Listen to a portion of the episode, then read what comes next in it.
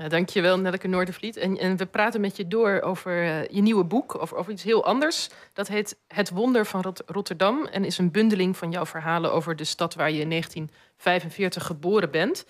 En 1945, dat is natuurlijk een kantelpunt in de Nederlandse geschiedenis, maar in het bijzonder in de Rotterdamse geschiedenis. Vertel, hoe herinner jij dat Rotterdam eruit zag in die, in die jonge kinderjaren? Ja, Rotterdam was uh, leeg natuurlijk. Dat, dat weet iedereen. Hè. Na het bombardement werd de boel uh, snel, keurig netjes opgeruimd. En daar stonden nog het postkantoor en het gemeentehuis... en de oude bijenkooi van Hotel Atlanta. En de rest was plat. Er was helemaal niets meer. Het woei er altijd, het stoof er. En, maar dat was voor mij als kind volkomen normaal. Zo was de stad. En verhalen van bombardement, ik kende ze wel... maar mijn werkelijkheid bestond uit leegte... waarin dan plotseling overal heimachines kwamen te staan. Ja, precies. Ik had het met Jos er al over. Mijn, mijn ouders die zijn ook Rotterdammers, ongeveer van, van jouw leeftijd. Ja, en die, die, die groeiden op met, met dat geluid van die heipalen altijd. Dat is een soort van... Ding, ding, ding, ding. En dan stond de lijnbaan er. Ja. Ik, ik, ik, ik, ik vraag me af, als je nou in zo'n omgeving opgroeit... kun je dan wel echt oog voor de natuur hebben, zoals je net etaleerde? Um, nou, dat is met, met de jaren komt dat wel. Maar uh, de natuur was in Rotterdam betrekkelijk ver te zoeken door rondom Rotterdam. Ja, god, iedereen weet zo'n beetje hoe dat eruit ziet. En um, nou ja, toen was het iets minder erg. Maar we hadden alleen het, het Kralingse bos, wat natuurlijk ook in de werkverschaffing was aangelegd. En het was een betrekkelijk jong bos toen, met allemaal jonge bomen en een strandbadje. En that's it. En verder uh, stonden er heel veel populieren waar ik een ontzettende hekel aan heb. Ik weet niet waarom, maar die staan maar te lispelen. Die staan maar te lispelen. Dus het, is, het, het was niet veel gevarieerde natuur. Ja. Nu, nu zei je net, iedereen weet het bombardement op Rotterdam. Je ouders hebben dat meegemaakt. Jij bent van 45, geloof ik. Hè? Ja.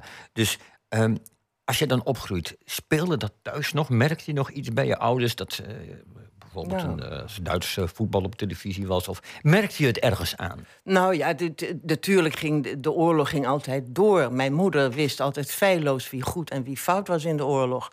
Als er iemand zag passeren, dan zei ze... oh, dan gaat die en die fout in de oorlog. of ze zei van, oh, daar gaat die en die zwaar in het verzet gezeten. dus uh, de, de, de, de bokken werden van de schapen gescheiden, dat was het verhaal. Uh, op verjaardagen werden er wat vrolijke anekdotes verteld. Nooit te zwaar, altijd met goede afloop en uh, om te lachen. En de, de werkelijkheid, de, de wat, wat zwaardere werkelijkheid kwam nou ja, wat, wat minder vaak aan bod. Natuurlijk, het verhaal van het bombardement werd verteld. En hoe ze daar stonden met dat gezin. Mijn grootouders, mijn moeder, mijn ooms, tante en mijn kleine nichtje. Daar, hadden ze, daar stonden ze in een kring omheen. Want Ria, mijn kleine nichtje, moest uh, beschermd blijven. Want ze wisten niet of die bommen ook bij hen op het dak zouden vallen. Ze woonden op de bovenste verdieping. Dus ze hebben daar in doodsangst uh, uh, staan wachten tot het over was. Nou, dat is het, verhaal, het ene verhaal wat ze hebben verteld, maar niet tot uit een treuren. Ik bedoel, dat werd verteld, klaar. Ja, Nelke, uh, ik heb nu de achterkant van het boek in mijn handen en ik, ik zie daar een foto. Herken je me? Ik herken je meteen uit duizenden, dat weet je toch. um, Maar ik zie een meisje met uh, een, een, een soort overgooienachtig rokje aan, zware schoentjes, lieve glimlach. Een schattig meisje van een jaar of vier, vijf. Wat zie jij als je naar deze foto kijkt? Een schattig meisje van een jaar of vier, vijf. Ja, nee, natuurlijk. Ik zie dat die, die afgetrapte schoenen. Uh, die zware schoenen, omdat ik uh, altijd over mijn eigen voeten struikelde. Dus uh, hele keurig nette, mooie schoentjes, die waren aan mij niet besteed. Dus het waren afgetrapte schoenen. En ja, zo'n zo rokje, dat werd door mijn moeder zelf gehaakt of gebreid of weet ik veel wat. En, en wat heb je nou in je haar? Zijn dat nou strikken of wat is dat? Strikken, ja joh. Iedereen had strikken en ik had nog betrekkelijk bescheiden strikken... omdat ik zoveel haar had. Maar uh, mijn zus had een gigantische strik op haar hoofd. Ja, meer strik dan haar meestal. Ja. Hè? ja. Ja. Ja, en toch, uh, dus dit ziet er heel lieflijk uh, en, en schattig uit... Maar je beschrijft jezelf op die leeftijd ergens anders in het boek als een buitenstaandertje maar thuis. Dus over, over Rotterdam. Dat je jezelf zag als een buitenstaandertje, maar thuis. Wat bedoel je daarmee? Nou ja, ik, ja ik, ieder kind heeft de ervaring, of dan de meeste kinderen hebben de ervaring dat ze bij een groepje willen horen. maar dat ze er eh, net niet bij kunnen. Dat ze altijd een beetje de pispaal zijn, altijd een beetje worden gepest. Eh, dat was bij mij ook zo, want ik was de jongste, dus de oudere kinderen zaten mij een beetje op mijn kop. En ik was dus het buitenstaandertje dat altijd op de stoep zat toe te kijken. Of mocht meedoen als dienstbode of kleinzus. En zo, dus het, de, de rollen waren altijd heel erg Maar, duidelijk maar hoe kwam dat? Hoe kwam dat?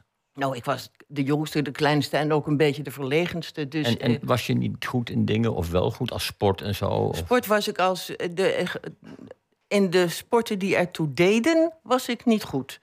In alle andere sporten wel.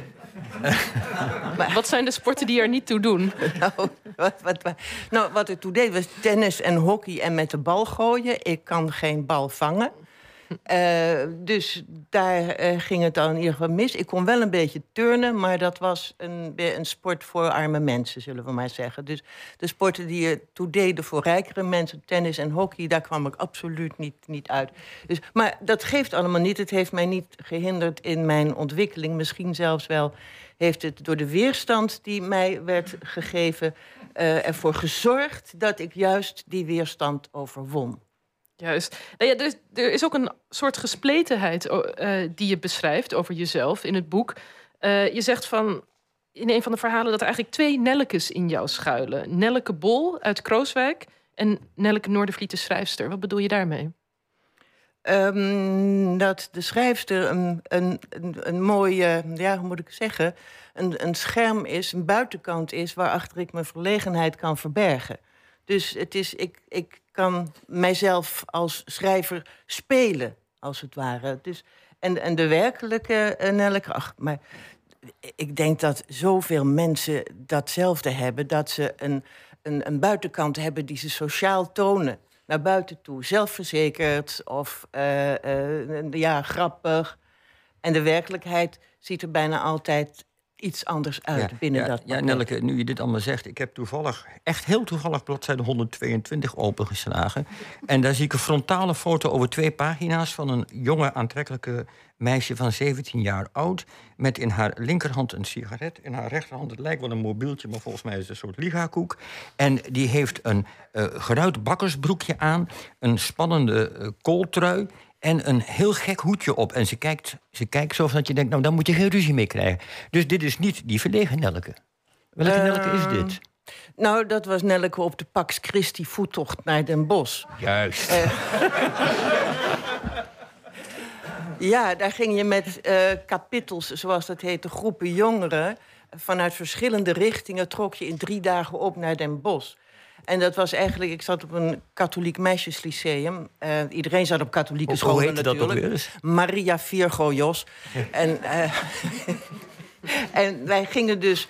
eh, maar dat was dus een gemengde wandeling, zal ik maar zeggen. Er kwamen ook jongens mee. Dat verklaart en die jongen, ja. ja. en die jongen waarnaast ik lig daar... althans, lig in de, in, de, op de, in de pauze, in de lunchtijd... daar was ik dus verliefd op. Maar dat is een beetje oenig type met een brilletje op. Eh, hij, hij lijkt wel op mij. Goed dat je dat zegt. Goed dat je dat zegt. Nee, dat was een hele. eh, het was een knappe jongen, maar die werd natuurlijk verliefd op het mooie blonde meisje in het kapittel. En zeker niet op mij. Dus mijn blik daar is teleurgesteld en verdrietig. Maar het is allemaal goed gekomen. Het is goed met materiaal ook voor, voor een schrijfster, toch? Altijd. Zo- zo- Zo'n jeugd. Ja, en, en toch nog even een gewetensvraag om mee af te sluiten. Want je woont al jaren in Amsterdam. En dan schrijf je een heel boek over Rotterdam, je jeugd, alle, alle dierbare herinneringen eraan, de wat minder dierbare herinneringen ook. Heeft het schrijven van dit boekje niet doen terugverlangen naar Rotterdam? Had je, wil je niet nog weer terug? Ik kan altijd nog wonen in Rotterdam. Ik bedoel, dat is iets wat, eh, wat, wat op mij, bij mij helemaal niet op enig bezwaar zou stuiten. Eh, maar ik hou ook van Amsterdam. En ik krijg mijn man niet uit Amsterdam. Goed, nou, als, nu we toch geen eerlijk antwoord krijgen... eh, eh, Feyenoord of Ajax? Feyenoord. Oké, eh, dat was het dan, Nelke. Dank voor je aanwezigheid.